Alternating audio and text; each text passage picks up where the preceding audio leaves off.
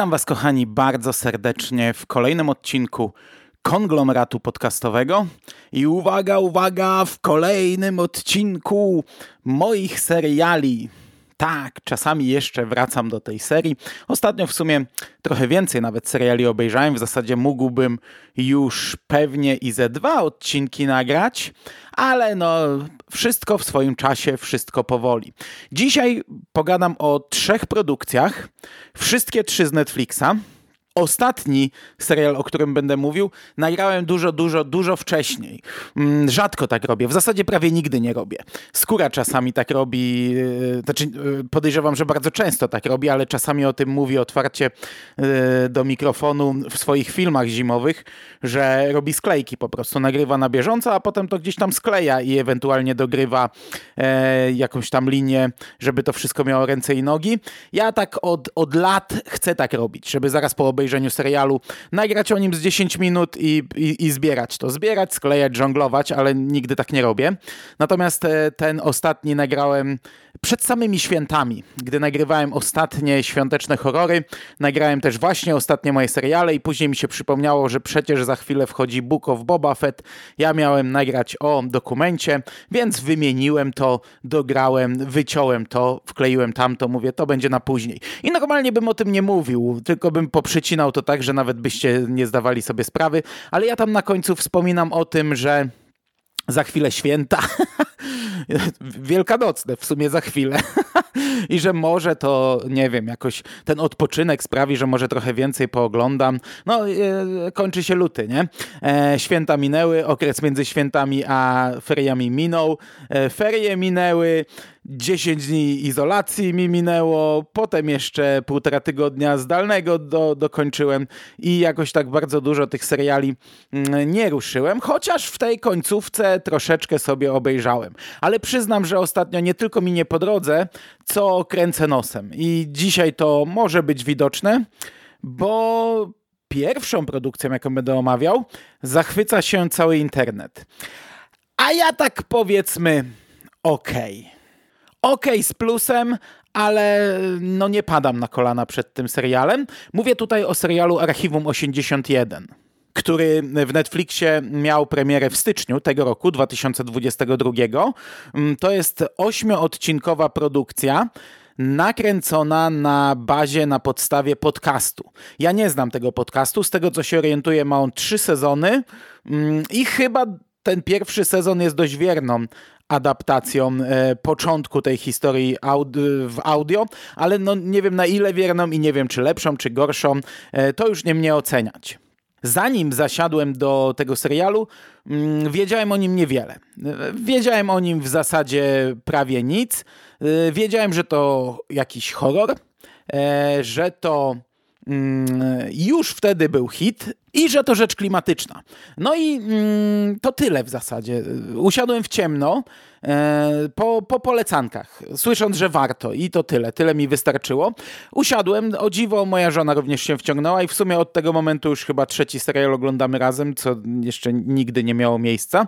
Trochę wydłuża to oglądania, ale w sumie fajnie tak sobie co wieczór usiąść do odcinka czy dwóch.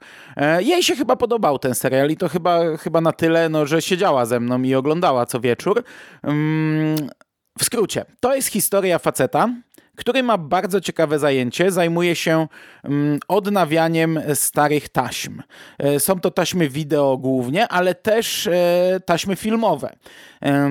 Na samym początku widzimy go, jak skupuje w ciemno na straganie e, kasety wideo, nie wiedząc, co na nich jest, właśnie po to, żeby w domu hobbystycznie je oczyścić i sprawdzić, a jednocześnie w pracy udaje mu się zdobyć rarytas, taką perełkę, e, szpulę z nagraniem serialu e, Krąg, Circle, mm, który tutaj będzie mm, może nie tyle osią fabuły, ale będzie czymś, co orbituje wokół mm, tej fabuły i powraca co jakiś czas. Od samego początku jest porównywany do strefy mroku. W jednym z odcinków mamy mm, nawet wstęp y, do tego serialu, właśnie taki jak strefa mroku. Siedzi prowadzący, opowiada, zaprasza nas i zaprasza nas właśnie do kręgu. Bo jak już przy tym jestem, to żeby mi to z głowy nie wypadło, tutaj każdy odcinek ma osobny wstęp. Czyli przed czołówką mamy coś nietypowego. Na przykład reklamę z danej epoki, albo wycinek e, wiadomości i tam jakaś informacja, albo właśnie wprowadzenie do, e, do tego serialu. I to wszystko na tym etapie jest niejasne, ale gdy obejrzymy odcinek, no to staje się to jasne, o co chodziło w tym wstępie. No i nasz tutaj Dan, główny bohater, otrzymuje ofertę pracy od gościa z wielkiej korporacji. I to jest praca nietypowa, ponieważ e, w latach 90. spłonął budynek Wiser. I ten facet z tej korporacji jest w posiadaniu e, dużej liczby kaset wideo nagranych właśnie w dni poprzedzające spłonięcie budynku.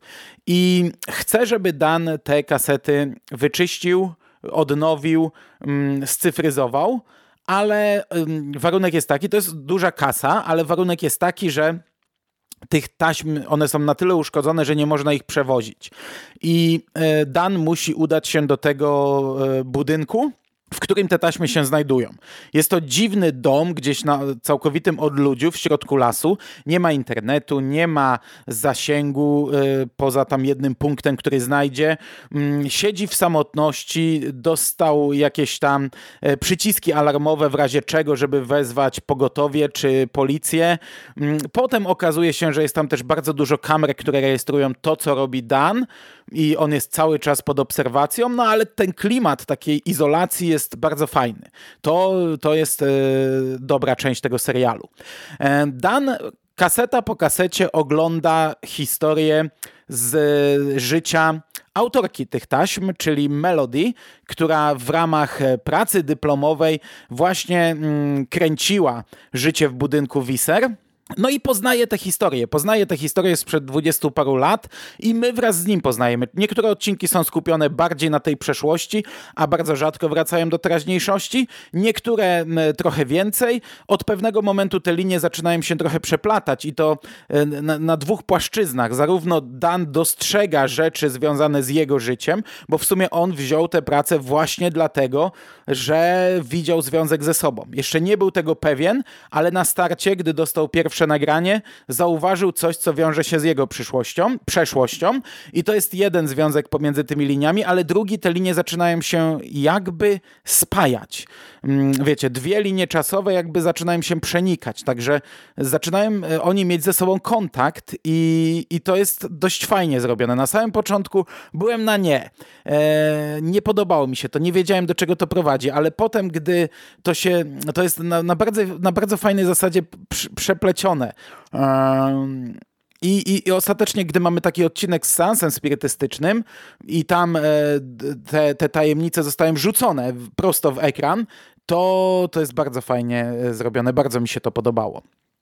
Oprócz tego poznajemy też historię Dana i okazuje się, że jego historia, no, po pierwsze ma punkty wspólne z budynkiem Wiser, mm, bo jego rodzina również spłonęła w budynku i już od pierwszego odcinka i im dalej w las, tym coraz bardziej przekonujemy się, że tych punktów wspólnych jest coraz więcej. Po drugie, wiemy, że Dan spędził jakiś czas w szpitalu psychiatrycznym. Mm, no miał jakieś załamanie nerwowe. Dlatego nie jest e, w sumie osobą zbyt dobrą do takiej pracy. Trochę jak Jack Torrance e, w, nie był zbyt dobrą osobą, żeby pracować w hotelu Overlook. No i tak, powiedziałem, że jest fajny klimat i jest fajny klimat. To jest niezaprzeczalny plus tego serialu. To się ogląda bardzo dobrze. Ten klimat właśnie tej, tej zamkniętej przestrzeni, w której jest Dan i tajemnic, które on tam odgry, odkrywa i, i to, jak one się zaczynają wiązać z tymi nagraniami. Poza tym ten klimat tych nagrań to też jest bardzo fajna historia, to też się bardzo fajnie ogląda. E, co istotne, to nie jest found footage. E, to nie jest tak, że on ogląda nagrania. To jest tak, że on zaczyna oglądać nagranie i na początku to nagranie ma tę taką ziarnistość e, VHS-ową i, i te takie zniekształcenia obrazu, ale ono przechodzi w normalną narrację zawsze. Więc my nie widzimy tylko tego, co ona nagrywała kamerą, tylko widzimy normalny film, normalną fabułę. Nie wiem, czy to jest plus czy minus. Dla mnie chyba lepiej coś takiego niż oglądać gdzieś tam zrywki, sklejki roztrzęsione przeniesionej kamery. Oczywiście takie też widzimy, nie? Takie wstawki, takie rzeczy, żeby ten klimat był zachowany. No ale tak jak powiedziałem, są rzeczy, które nie do końca mi pasują tak jak ta historia na początku jest tajemnicza, nie wiemy do czego ona zmierza, tak już od początku jest na przykład oprócz tego motywu połączenia światów yy, i czasów, jest jakiś potwór wychodzący z ekranu. E, on mi się nie podobał od samego początku. On mi burzył klimat zamiast go robić. Mm, poza tym, te wszelkie tajemnice, które tutaj mamy, e, one są dość e, mocno wyjaśniane. I to jest tak, że na przykład jest zaginiony film tego twórcy serialu Krąg, i ten film w pewnym momencie się pojawia jako film w filmie. Nasz bohater ogląda kasetę wideo, na której bohaterowie widzą ten film i nagrywają, jak oglądają ten film. Co prawda to jest puenta, ale no o to tam chodziło. To, było, to, to, to był w zasadzie, to było, nie no nawet nie tyle puenta, no, to, to nie był film fabularny półtorej godzinny, tylko chodziło o pewien rytuał nagrany i my go widzimy. A potem dostajemy e, pierwszy odcinek, przedostatni odcinek, pierwszy finałowy odcinek, który w całości jest retrospektywny kolekcją w ogóle z innej epoki i, i, I tam mamy, poznajemy bohaterów z przeszłości, z takiej już większej przeszłości. E, i, i, to wszystko nas prowadzi do zakończenia odcinka, czyli tego filmu. Czyli to, co zostało nagrane tam. I to jest takie. Ja, ja już byłem tak trochę, trochę na nie, że no, no po, w zasadzie po co to wszystko jest mi tutaj serwowane mm, jeszcze raz, tylko w dłuższej formie i takie rozwodnione. I dla mnie w sumie to jest minus tego serialu, trochę rozwodnienie, bo mm, ten klimat trochę się gubi przez to, że te odcinki są długie i one są za długie. No i ja ten klimat traciłem. Tak jak w wielu recenzjach, to też żeby było jasne. Ja mam ostatnio, tak jak powiedziałem, trochę problem z niektórymi serialami. Na przykład w, we wszystkich recenzjach, jakie czytałem, wszyscy zachwycają się Nocną Mszą e, Flanagana i wszędzie się porównuje, że Flanagan nakręcił e, ekranizację Stephena Kinga, która nie jest ekranizacją Stephena Kinga. Ja już dwa razy próbowałem ten serial i dwa razy dobrnąłem do trzeciego odcinka i, i, i mam problem z tym serialem i on na mnie nie działa tak jak wszyscy twierdzą, że działać powinien, mm, ale zdaję sobie sprawę, że to jakieś, że to chyba we mnie tkwi problem, bo jednak mm, nawiedzony dwór w Blaj, który też był bardzo spokojnym, klimatycznym e, serialem, mnie się bardzo podobał. Tutaj w przypadku Archiwum 81, po pierwsze to trochę rozciągnięcie, po drugie, nie podoba mi się, że to nie jest e, jednostrzałowiec. Mm, no w końcówce ja naprawdę byłem rozczarowany, jak się okazuje, że wiecie, no pomimo tam niektórych rozwodnionych rzeczy, jednak czekamy, aż zakończy się dla nas ta historia. Czekamy, jak ją nam spuentują, a tutaj nie. Tutaj jest wszystko urwane, są same cliffhangery, e, wprowadzone nowe rzeczy, takie w stylu trochę dark, bo ma, mamy trzy linie czasowe, trzy portale i pomiędzy tymi czasami zaczynamy żonglować już w sposób też taki mm, realny, w sensie nierealny. No, nie, nie, nie to, że jedna osoba ogląda nagrania, tylko jest w stanie przejść przez jakieś portale, bramy z jednego czasu do drugiego i, i to mi nie pasuje, to mi się nie podoba. Ja nie, nie mam ochoty trochę na, mm, na drugi sezon. Nie wiem, czy będę go oglądał. Ogólnie to jest niezły serial, to jest e, fajny, klimatyczny serial. Tutaj w ogóle James Wan jest jednym z producentów e, wszystkich chyba odcinków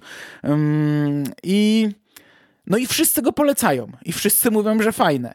Więc pewnie niekoniecznie powinniście się sugerować y, moją taką y, średnio zagrzaną opinią, y, ale ja nie wiem, czy będę oglądał to dalej. Zobaczę. Trochę nie czułem tego, co wszyscy czuli. Okej, okay. druga rzecz, o której chciałem dzisiaj powiedzieć, to jest serial The Movies That Made Us, czyli filmy naszej młodości. Serial Netflixa, cztery odcinki, drugi sezon, serial dokumentalny, o którym mówiłem już dwa razy w moich serialach i którego historia jest dość dziwna, bo e, pierwszy sezon wyszedł w końcówce 2019 roku, to były cztery odcinki. Potem przez rok nic się o tym nie mówiło i w grudniu 2020 roku wyszedł spin-off tego serialu. On miał inny tytuł i wszędzie był katalogowany jako osobny serial który traktował o świątecznych filmach, ale miał tylko dwa odcinki. Chociaż Wikipedia na początku podawała, że planowane są cztery, ale na razie były udostępnione dwa.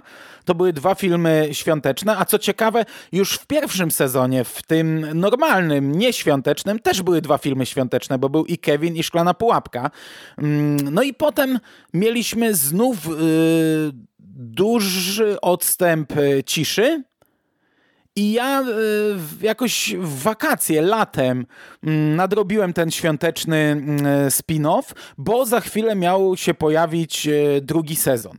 Ten drugi sezon, o którym teraz będę mówił. On miał się pojawić w lipcu, więc ja jakoś tam czerwiec, lipiec, ten przełom, e, obejrzałem te dwa filmy, omówiłem je, e, te dwa odcinki w e, moich serialach, a nagle dostaliśmy informację, że w zasadzie za chwilę rusza trzeci sezon, bo w październiku 2021 roku miał premierę trzeci sezon, czyli to jest kilka miesięcy różnicy między drugim a trzecim. Ten e, drugi miał mieć sześć odcinków, a do niego ostatecznie doklejono ten świąteczny spin-off, czyli te dwa odcinki jeszcze świąteczne, więc już nie ma tego spin-offa. Teraz to jest serial, który ma dwa sezony, e, pierwszy w 2019 i dwa kolejne w 2021, dwa pierwsze po cztery odcinki, e, trzeci sezon osiem odcinków, z czego w większości skupiają się one na horrorach.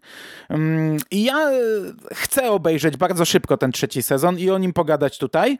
No tych dwóch odcinków nie będę omawiał i pewnie jeszcze raz będę musiał przytoczyć tę historię, e, o której tutaj mówię. E, ale skupmy się w dwóch zdaniach na sezonie drugim. Mamy tutaj cztery filmy, bo przypominam, że ten serial jest trochę na jedno kopyto zrobiony, ale o dziwo po tych dziesięciu odcinkach, które oglądałem, oczywiście w odstępie czasowym, na razie mi to nie przeszkadza. Na razie bawię się doskonale e, i to jest, e, mówię, że na jedno kopyto, bo jest jednak pewien scenariusz. To są wszystko hity, to są wszystko filmy, które no, odcisnęły ogromne piętno na, na całym przemyśle filmowym, które są, wiecie, wymieniane jednym tchem jako, jako te gigantycznie ważne produkcje z ostatnich kilkudziesięciu lat, mm, a to jest zawsze tak pokazane po pierwsze, jaka była ich droga, pomysł, jak to się nie kleiło na początku, jak nikt nie chciał tego zrobić, jak kolejne studia odrzucały to, jakie były kłopoty z aktorami, z reżyserem, z planem, z tym. To nie jest robione tak, wiecie, tak łopatologicznie, jak programy typu budujemy wasz dom i ojejku, mamy jeszcze jeden dzień, a desek nam nie przywieźli, albo zły kolor farby, jaka dramaturgia sztuczna. Nie, bo to są historie sprzed lat, opowiadane nam, co się wydarzyło wtedy i okej, okay, ja sobie zdaję sprawę, sprawę. Cały czas mam świadomość, że w nich może być tylko ziarno prawdy, że to są historie, nie? anegdotki, legendy, które obrosły już, które e, pewnie opowiadane były wielokrotnie i które bardzo możliwe, że mają mniej wspólnego z prawdą niż mi się wydaje, ale nieważne. Ja to biorę na bok i, i, i, i się doskonale bawię tym, co oni mi opowiadają bo to są naprawdę świetne historie. I tutaj mamy cztery filmy. Powrót do przyszłości, Pretty Woman, e, Park Jurajski i Forest Gump. I zaczynając od początku, tak dosłownie pokrótce, nie będę analizował tych odcinków, absolutnie nie. Mm, Powrót do przyszłości to jest mój ulubiony film. To jest film numer jeden, e, odkąd skończyłem jakieś, nie wiem, 11 lat. Odkąd go pierwszy raz obejrzałem. Co prawda nie wracałem do niego już pewnie od jakichś 10 lat, albo i może więcej. Nie, nie, nie, no 10 lat nie. W kinie go oglądałem ostatnio, jak wyszedł na, na Blu-rayu. Ale te trzy filmy to jest nadal największa moja miłość. Co prawda wiecie, no ja zawsze podkreślam, Gwiezdne Wojny to jest zupełnie inna bajka. To jest wielka franczyza, to jest e, moje życie, to jest coś, co, z czym ja mam e, nieustanny, ciągły kontakt, gdzie poznałem masę ludzi, tak samo Stephen King, nie? gdzie jeżdżę cały czas na spotkania, konwenty i tak dalej. No Back to the Future to jest tylko film. Film może i najważniejszy dla mnie, film jeden z najlepszych, jakie widziałem, ale no nie ma tej otoczki, więc pod tym kątem jest gdzieś tam schowany, nie? On jest tylko tam gdzieś tam w moim serduchu na, na dnie, ale ten odcinek, ja byłem przekonany, że ja przecież wszystko o tym wiem. No ja, ja wszystko widziałem już o powrocie do przyszłości, ja wszystko czytałem. Ja jak byłem dzieciakiem, to y, zbierałem wycinki z gazet, co, co teraz mam znajomych, którzy mają cały czas zeszyty z Gwiezdnych Wojen, no ja tak miałem z powrotem do przyszłości. I nie tylko z filmów, wszystkie zdjęcia aktorów, przeglądałem u babci niemieckie gazety z programem i jak tylko gdzieś się pojawił którykolwiek aktor w jakimkolwiek filmie, to ja to wycinałem i zbierałem. Miałem powrót do przyszłości nagrany na kasetach magnetycznych, magnetofonowych, co też dużo ludzi kiedyś robiło z Gwiezdnymi Wojnami. Obejrzałem sobie te trzy części, położyłem magnetofon, nagrałem, mm, wiecie, ścieżkę z lektorem, nie? Po to, żeby potem siedząc w pokoju, gdzie nie miałem telewizora i nie miałem możliwości oglądać jako dzieciak, włączałem sobie i, i po prostu słuchałem tych filmów i je odtwarzałem w swojej głowie, wyobrażałem je sobie. No i wydawało mi się, że no, wiem wszystko i co prawda ten dokument nie wiem, czy dostarczył mi jakąś nową informację. Może, może tam były drobiazgi, ale to jest fantastycznie podane. To się naprawdę fajnie ogląda. Pamiętam, że jak go oglądałem, to na coś chyba zwróciłem uwagę, że o kurczę, tego nie wiedziałem, czy tego nie wiedziałem, że jeszcze mimo wszystko coś on mi podał, ale to się fantastycznie ogląda. I tutaj głównie występuje Bob Gale, i to on jest głównym takim e, pro, opowiadającym o tym, tylko to jest zawsze zmontowane na takiej zasadzie, że jest narrator. Trochę jak wiecie, e, Szelongoska urządzi wasz dom i zawsze jest ten narrator, który tam e, podsumowuje i sobie żarciki robi, nie? Przytnie e, kogoś tego tam, jak on tam ma, Jarek Stolarz czy Marek Stolarz, nie pamiętam. Przytnie jego i mu odpowie coś, nie? I tutaj też tak jest. To też jest zawsze na zasadzie żartów. A Bob Gale jest taki trochę no, no ta i to się fantastycznie ogląda. Naprawdę y, to jest fajny odcinek, a Back to the Future ma świetną historię, bo to jak ten film powstawał, e, w jakich bólach i to, to jest mm, bez precedensu, jak ten film powstawał. Takiej drugiej historii chyba nie ma. Nie było wcześniej i chyba nie było do tej pory, żeby tak wyglądała droga powstawania filmu, który stał się kultowy, nie? a w którego nikt nie wierzył, bo e, Robert Zemeckis wcześniej trochę baboli popełnił i już nikt tam nie chciał mm, e, tego człowieka stawiać na stołku ważnej produkcji, ale to jest naprawdę fajny odcinek. Pretty Woman, ja wam powiem, że to jest film, do którego ja nie mam sentymentu. Gdy ja byłem młody, wszyscy oglądali Pretty Woman, ale to był film taki dziewczyński, nie? Ja wtedy byłem chłopakiem, no i nie, nie bardzo. Nie chciałem tego oglądać. To było coś takiego, eh. w tamtych czasach, wiecie, jak się słyszało melodramat, a to, to, to, czy to nie jest melodramat, ale komedia romantyczna, czy coś takiego, to się reagowało w taki sam sposób. Ja to samo mam z Dirty Dancing, o czym już mówiłem, bo wirujący seks, ja nadal uwielbiam polski tytuł, był e, e, tematem pierwszego odcinka tego serialu w pierwszym i, i to było dokładnie tak samo. Też wtedy chłopaki tego nie chcieli oglądać, no tylko, że wirujący seks potem obejrzałem e, kilka razy. Pretty Woman nie.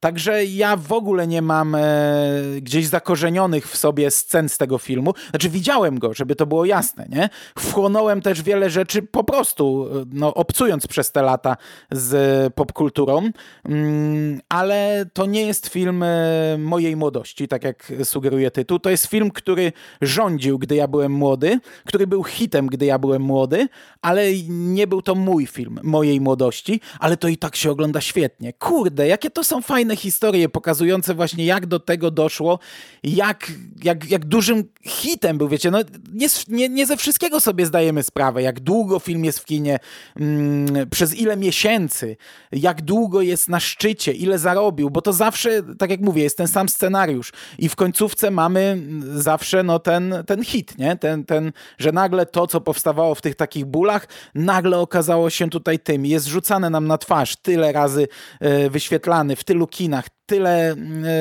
yy, zarobił, tak, tak, to i tamto, nie? A na końcu czasem jest jakiś sentyment, że gdzieś tam idą, pokazują. Tutaj też to jest fajne, bo yy, historia tego filmu też jest świetna. Jak scenarzysta go napisał, ja, o czym on na początku miał być, to miała być zupełnie inna historia, o zupełnie innym tytule i jak on ewoluował, a jak scenarzysta zgadzał się na te zmiany, które no okroiły całkowicie jego film, wypaczyły go, zrobiły zupełnie co innego z jego filmu. ale on nadal o tym potrafi opowiadać, nie? I mamy te dwie wersje i te dwie wersje do dzisiaj żyją. I to też jest fajne. I to ja, ja akurat, no tak jak mówię, w, w przypadku tego filmu nie znałem historii, nie, nie zagłębiałem się w ciekawostki, także ten odcinek był dla mnie fantastyczny. Chociaż samego filmu, no, no nie to, że nie lubię, ale, ale nie jest dla mnie niczym, e, co gdzieś tam ma swoje miejsce w moim sercu, nie? Jurajski Park, no tutaj sytuacja przeciwna.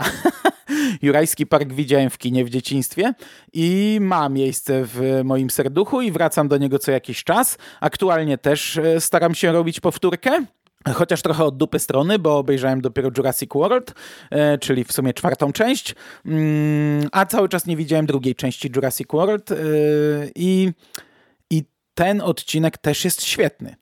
I też jest trochę inny, to też jest na takiej samej zasadzie, chociaż tutaj bardziej jest o tym, jak...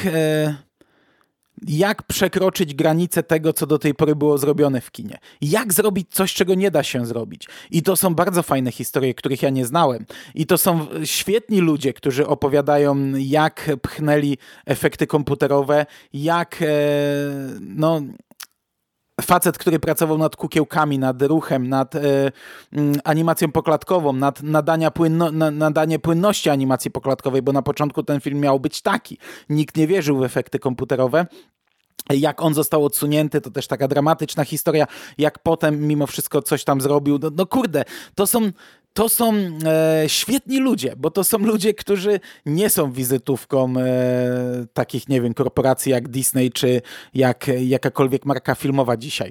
To są ludzie, którzy zostaliby wyrzuceni z planu i głośno by się powiedziało, my z takimi nie pracujemy, a oni tutaj opowiadają o tym, co robili, jak, jak się wyłamywali, jak, jaką samowolkę wprowadzali, jak ryzykowali, robili coś na własną rękę, żeby zaskoczyć Kathleen Kennedy na spotkaniu i pokazać jej coś i tak dalej, i tak dalej to są naprawdę fajne historie. I sama Kathleen Kennedy to też jest e, bardzo fajna historia, bo wiecie, dzisiaj ją znamy jako szefową y, ogromnego działu korporacji. I każda jej wypowiedź, nieważne jaki mamy do niej stosunek, nieważne jaki mamy stosunek do Nowych Gwiezdnych Wojen, każda jej wypowiedź to jest taka taka korpogatka ociekająca korpogatką, e, że się tego słuchać nie chce, nie? A to jest babka, która pracowała przy naprawdę wielkich filmach. To jest babka, która naprawdę ma portfolio takie, że hu. I tutaj nie ma o niej dużo, ale tak jak jest e, to, co jest o niej opowiedziane, to wiecie, widzi się fajną babkę fajną babkę, która pracuje na planie. Oczywiście jest jakąś tam szefową, która zatwierdza rzeczy i przed którą trzeba trochę respekt czuć, ale potem, jak mamy historię e, huraganu, który przeszedł przez plan i który zniszczył w zasadzie całą wyspę, no to mamy też opowieść, jak ona działała wtedy, żeby zapewnić e, transport całej ekipie, żeby zapewnić wodę, wyżywienie i tak dalej. Nie? To się naprawdę fajnie ogląda i to jest kolejny dobry odcinek. Natomiast czwarty film, i tutaj znów może zaskoczę, ale Forrest Gump nie jest też filmem na zupełnie innej zasadzie. To nie jest Pretty Woman, ale ja nigdy nie nie byłem takim fanem Forest Gumpa jak Foresta Gumpa jak e, e, Jurassic Park, Back to the Future, Star Wars czy, czy wiele, wiele innych filmów. Widziałem go może ze dwa razy w życiu. Autentycznie. I za każdym razem to było wielkie, wielkie wow, ale potem już do tego nie wracałem. To był film, który się fajnie oglądało i tyle. I zdaję sobie sprawę z całej wielkości tego filmu. Pamiętam, gdy obejrzałem go pierwszy raz, nie premierowo, trochę później, już wiedziałem, że y, Skazani na Shawshank było wielką przegraną, czy to Zielona Mila wtedy, nie pamiętam, Skazani chyba. Y, Zielona to rok później, czy dwa lata później i trochę mniej tych nominacji miała, a Skazani wszystkie Oscary potracili. Y, I to był właśnie ten rok, gdzie Forrest Gump zgarnął z kolei pulę. I pamiętam, że jak go obejrzałem w wtedy to sobie pomyślałem, no kurczę, słusznie, nie? No jak się ma taki rok z takimi dwoma filmami, to no, trzeba wybierać. I, I to jest, no nie, nie będę tutaj mm, zaskakujący, to jest odcinek, który się fantastycznie ogląda i też na innej zasadzie, bo tutaj mm, y, ludzie, którzy pracują przy tym filmie, ludzie, którzy stworzyli ten film, uprawiali zupełnie inny rodzaj samowolki, czyli według tych historii, które oni opowiadali, oni mieli pewną wizję na ten film i chcieli ją zrealizować wbrew wszystkiemu, wbrew wszystkim cięciom, nie zezwalali na cięcia i obchodzili to jak się tylko da. Czy to wykładając swoje pieniądze, czy yy, potajemnie udając się w dane miejsca, żeby nakręcić dane sceny, czy kombinując, żeby jakoś tam, wiecie, bokiem podejść e, szefostwo, pokazać im coś, tak żeby oni już się nie mogli wycofać z tego. I, i to jest naprawdę bardzo fajna mm, historia, świetnie się to ogląda. I, i to jest kolejny bardzo dobry odcinek. I Tutaj z kolei też fajna rzecz, ja sobie z tego nie zdawałem sprawy, chyba, bo tak jak mówię, tak jak mamy bardzo często puentę gdzieś tam łapiącą za serce, czyli e, oj, ten już nie żyje, albo ten nie żyje, aktor, jak nam smutno, no to wiecie, to jest fajne, tylko że to jest checkpoint w scenariuszu tutaj trochę, ale to łapie za serce za każdym razem, albo bardzo często jest, że jakiś tam dwóch gości z ekipy idzie e, ważnymi lokacjami teraz i mówią, o patrz, tutaj stało to, a tutaj ktoś się przewrócił, a tutaj ten zrobił to, nie? I tak sobie wspominałem na sam koniec. Tak tutaj cała końcówka poświęcona jest Garemu Sinisowi i jego postaci e, weterana bez nóg I, i, ja w sumie chyba nie wiedziałem, że Gary Sinis zrobił, fun założył fundację e, właśnie Garego Sinisa i pomaga e, weteranom wojennym, e, niepełnosprawnym weteranom wojennym i tutaj cała końcówka jest temu poświęcona. Też się to bardzo dobrze ogląda, jak taki, e, taki filmik, który został wygrzebany z kosza, który nie miał powstać i który przeszedł, tak jak wszystkie te filmy, drogę bardzo ciężką, mm, jaką rolę odegrał mm, w tej gałęzi. Nie? Dobra, kończąc, podsumowując, bardzo dobry sezon, bardzo się dobrze na nim bawiłem. Upłynęło trochę czasu, odkąd oglądałem poprzednie. Może to dlatego. Może to dlatego, że nie oglądam tego ciurkiem i też bardzo rzadko oglądam dwa odcinki jednego dnia. Zazwyczaj sobie włączam, obejrzę jeden i na spokojnie następne jutro. Także jakaś tam przerwa jest e, w tym, e, ale mam wrażenie, że jakbym usiadł i obejrzał te 10 jednego dnia, to i tak bym się bawił dobrze. Może trochę bardziej by mnie mierdziło jakaś taka schematyczność tego serialu, ale mówię, no każdy odcinek, każda historia jest na tyle charakterystyczna, na tyle inna, że ma coś swojego do opowiedzenia i to jest fajne. I ja wam powiem, że ja już przebieram nogami e, na trzeci sezon, bo kompletnie go sobie nie wyobrażam.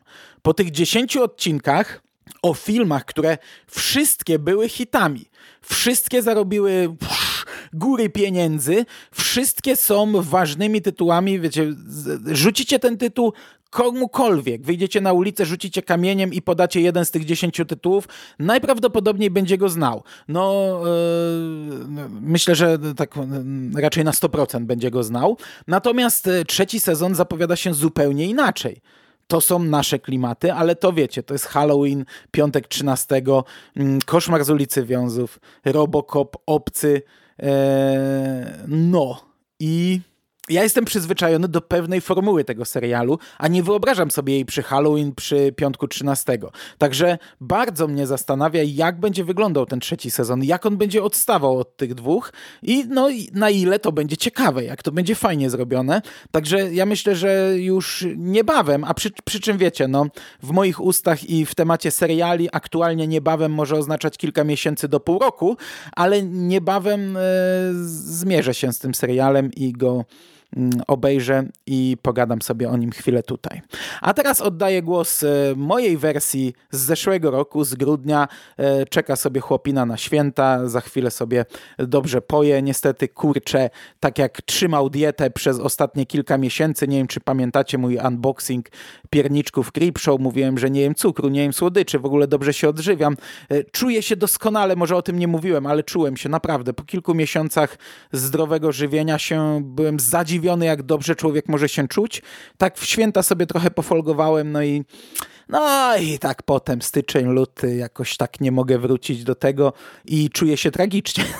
to nie jest śmieszne, ale czuję się bardzo źle, a od kilku dni to już naprawdę bardzo, bardzo źle. Nie wiem, czy to pokowidowe coś, czy, czy to ta pogoda teraz. I, I jak sobie przypomnę, jak ja się dobrze czułem wtedy, kiedy za chwilę do was będę mówił te słowa, to, to Aj, zazdroszczę typowi. Dobra, e, to niech teraz tutaj kolega nam opowie o tym, co ma do opowiedzenia. Nie pamiętam, czy kolega się z wami pożegna na koniec. W razie jakby się nie pożegnał, ham jeden, to ja już teraz się żegnam. Cześć.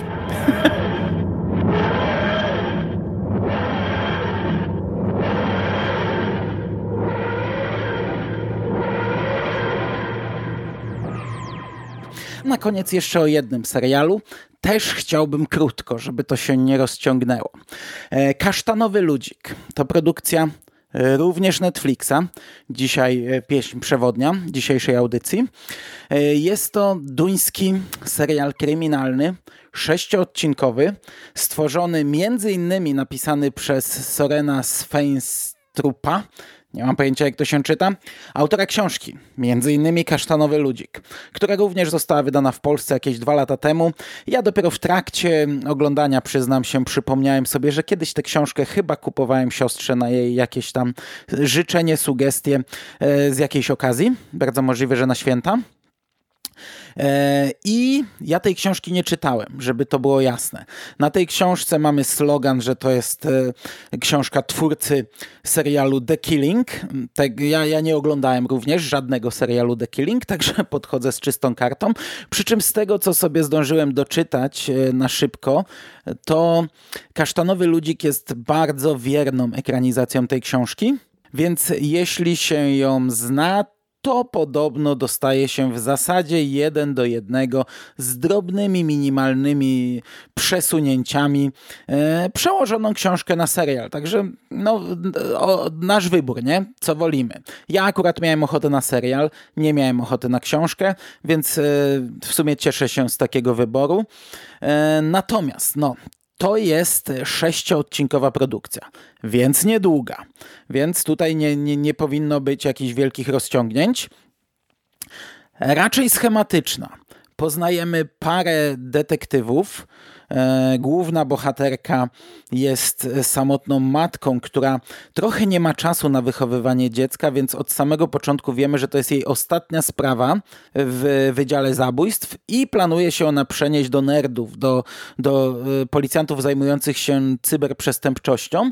Natomiast przydzielony jej zostaje na tę sprawę partner, który robił jakąś dużą karierę w Europolu, ale no nie wiadomo właśnie, co tam się stało. On jest okryty raczej tajemnicą. Wszyscy podejrzewają, że musiało, musiał być jakąś, musiał, musiał coś, jakieś przewinienie mu się przytrafić, no bo mm, teraz pracuje jako policjant w Kopenhadze i czeka, aż zapadnie decyzja, czy może wrócić do Hagi. Mm, no i oni zajmują się właśnie sprawą mordercy kasztanowego ludzika. Na samym początku dostajemy retrospekcję sprzed kilkudziesięciu lat, 20 mm, do 30, jakoś tak, lata 80. bodajże, czy 90. E, przełom gdzie jeden z policjantów wchodzi do domu i y, znajduje całą rodzinę martwą w różnych miejscach w tym domu i w piwnicy widzimy mnóstwo kasztanowych ludzików. No a teraz dochodzi do morderstwa kobiety, której została obcięta dłoń i kasztanowy ludzik zostaje znaleziony na miejscu zbrodni. Sobie stoi tam taki e, przy, przy zwłokach. Natomiast na samym kasztanowym ludziku policjanci odkrywają odciski palców dziewczynki, córki pani polityk, która, córki, która zaginęła i została uznana za zmarłą przed rokiem. Jest to sprawa, która jeszcze gdzieś tam e, odbija się szerokim echem, natomiast pani polityk właśnie wraca do pracy, no i teraz dostaje e, kolejny rykoszet, nie? ponieważ sprawa córki znów wypływa na światło dzienne, natomiast pani polityk zajmuje się e, polityką rodzinną właśnie. Mm, a bardzo szybko zarówno policjanci, jak i my odkrywamy, że morderca kieruje się również takimi przesłankami. Giną matki, które zaniedbują swoje dzieci. Giną matki, które gdzieś mają problemy z wychowaniem swoich dzieci. No nasza główna bohaterka tak może nie do końca, ale troszeczkę wpisuje się również w ten schemat, ponieważ mm, może nie jest to patologia, może nie jest to wyrodna matka, ale y, zaniedbuje dziecko, sama sobie zdaje z tego sprawę, dlatego chce się przenieść, a ta ostatnia sprawa pochłania ją na tyle, że problem eskaluje. E, no i jest to schematyczne. Została dobrana para e, detektywów, którzy są przeciwieństwami, którzy nie do końca dobrze ze sobą współpracują na początku, ale oczywiście ich współpraca przynosi zamierzony efekt ostatecznie, wbrew wszystkiemu, przeciw wszystkim. E, te morderstwa są brutalne i, one, i ta, i ta brutalność eskaluje. Tam przez pierwszą połowę serialu, przez te trzy odcinki mamy w zasadzie trzy morderstwa i każde jest mocne. E, no bo to obcięcie pierwszej dłoni nie było przypadkowe no i miało związek właśnie z kasztanowym ludzikiem, którym też od zapałek obcina się e, końcówki i e, kasztanowe ludziki nie mają dłoni i stóp i, i tak kolejna ofiara nie miała dwóch dłoni, kolejna dłoni i stopy i tak dalej, nie? I to jest zrobione dobrze. To jest taki jesienny serial, mocno osadzony w, w tym czasie i on jest taki właśnie taki, ma taki klimat e, takiej brutalnej, brudnej, szarej jesieni. E, jak ktoś lubi wpasowywać e, seriale czy filmy, które ogląda, to to jest e, fantastyczny okres. No zresztą on miał premierę we wrześniu. Potem już e, gdzieś tam posuwamy się coraz dalej w tym śledztwie. Czy jest to przeciągnięte, ta druga połowa? Ja nie odczułem. Ja nie odczułem. Gdzieś tam obiło mi się w recenzjach, które mi mignęły, że ludzie trochę na to narzekają, że, że, że troszeczkę jest zbyt rozciągnięta, że można by to skondensować, skrócić. Mnie się oglądało to dobrze i, i nie, nie czułem ani przez chwilę jakiegoś takiego e, zbyt dużego wypchania. No oczywiście idziemy krok po kroku schematami, nie? Każdy jest podejrzany, każdy ma coś za uszami, nie mamy pojęcia, kto tutaj może e, być winny. E, e, są te równoległe sprawy, bo musimy się cofnąć do tej dalekiej przeszłości i sprawy tej z pierwszej retrospekcji. Cały czas jest rozdrapywana sprawa zaginionej córki pani polityk, no plus to, co dzieje się teraz w teraźniejszości, plus prywatne sprawy naszej pary detektywów. E, a wszystko to prowadzi do finału, który jest dobry, który jest zaskakujący, mocny, fajny.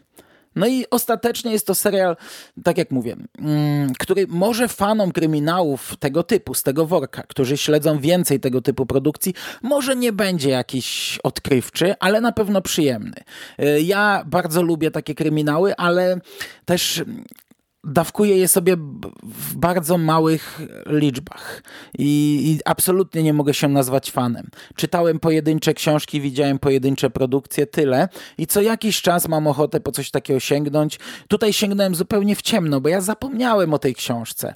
E, ta graficzka z kasztanowym ludzikiem mi się przewijała na Netflixie, ale ja sobie ubzdurałem, że to jest serial dokumentalny o jakimś mordercy, kolejne true crime, nie? I w ogóle zapomniałem, nie widziałem żadnych trailerów, nic, żadnych zapowiedzi, Aż w końcu przyszedł taki moment i mówię, a akurat mam ochotę na, na, na, na jakieś takie true crime o mordercy. Włączyłem, mówię, kurde, to nie jest true crime.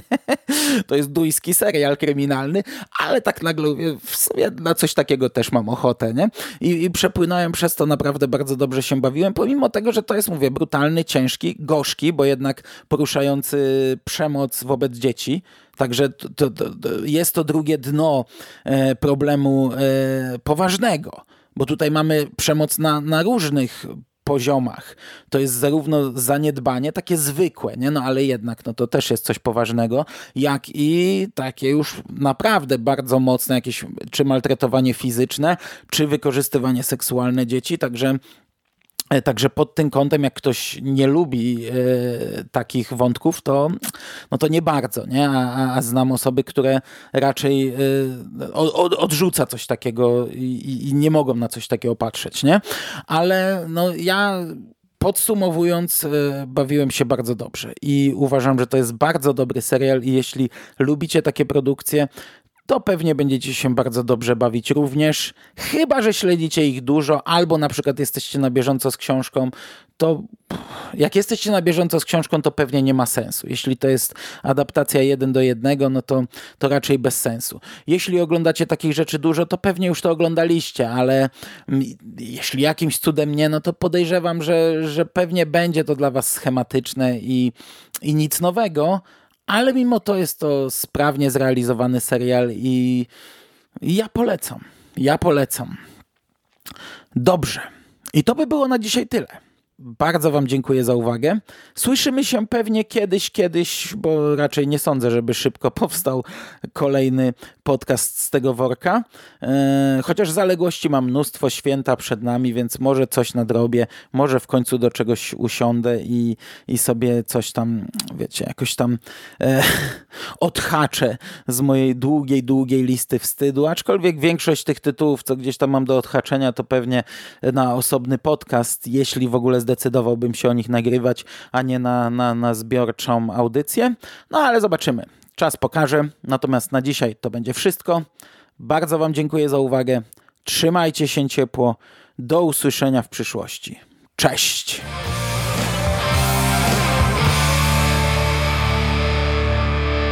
You finished? That's it, man. Game over, man. It's game fuck are we gonna do now? What are we gonna do? It's over. Nothing is over! Nothing! You just don't turn it off!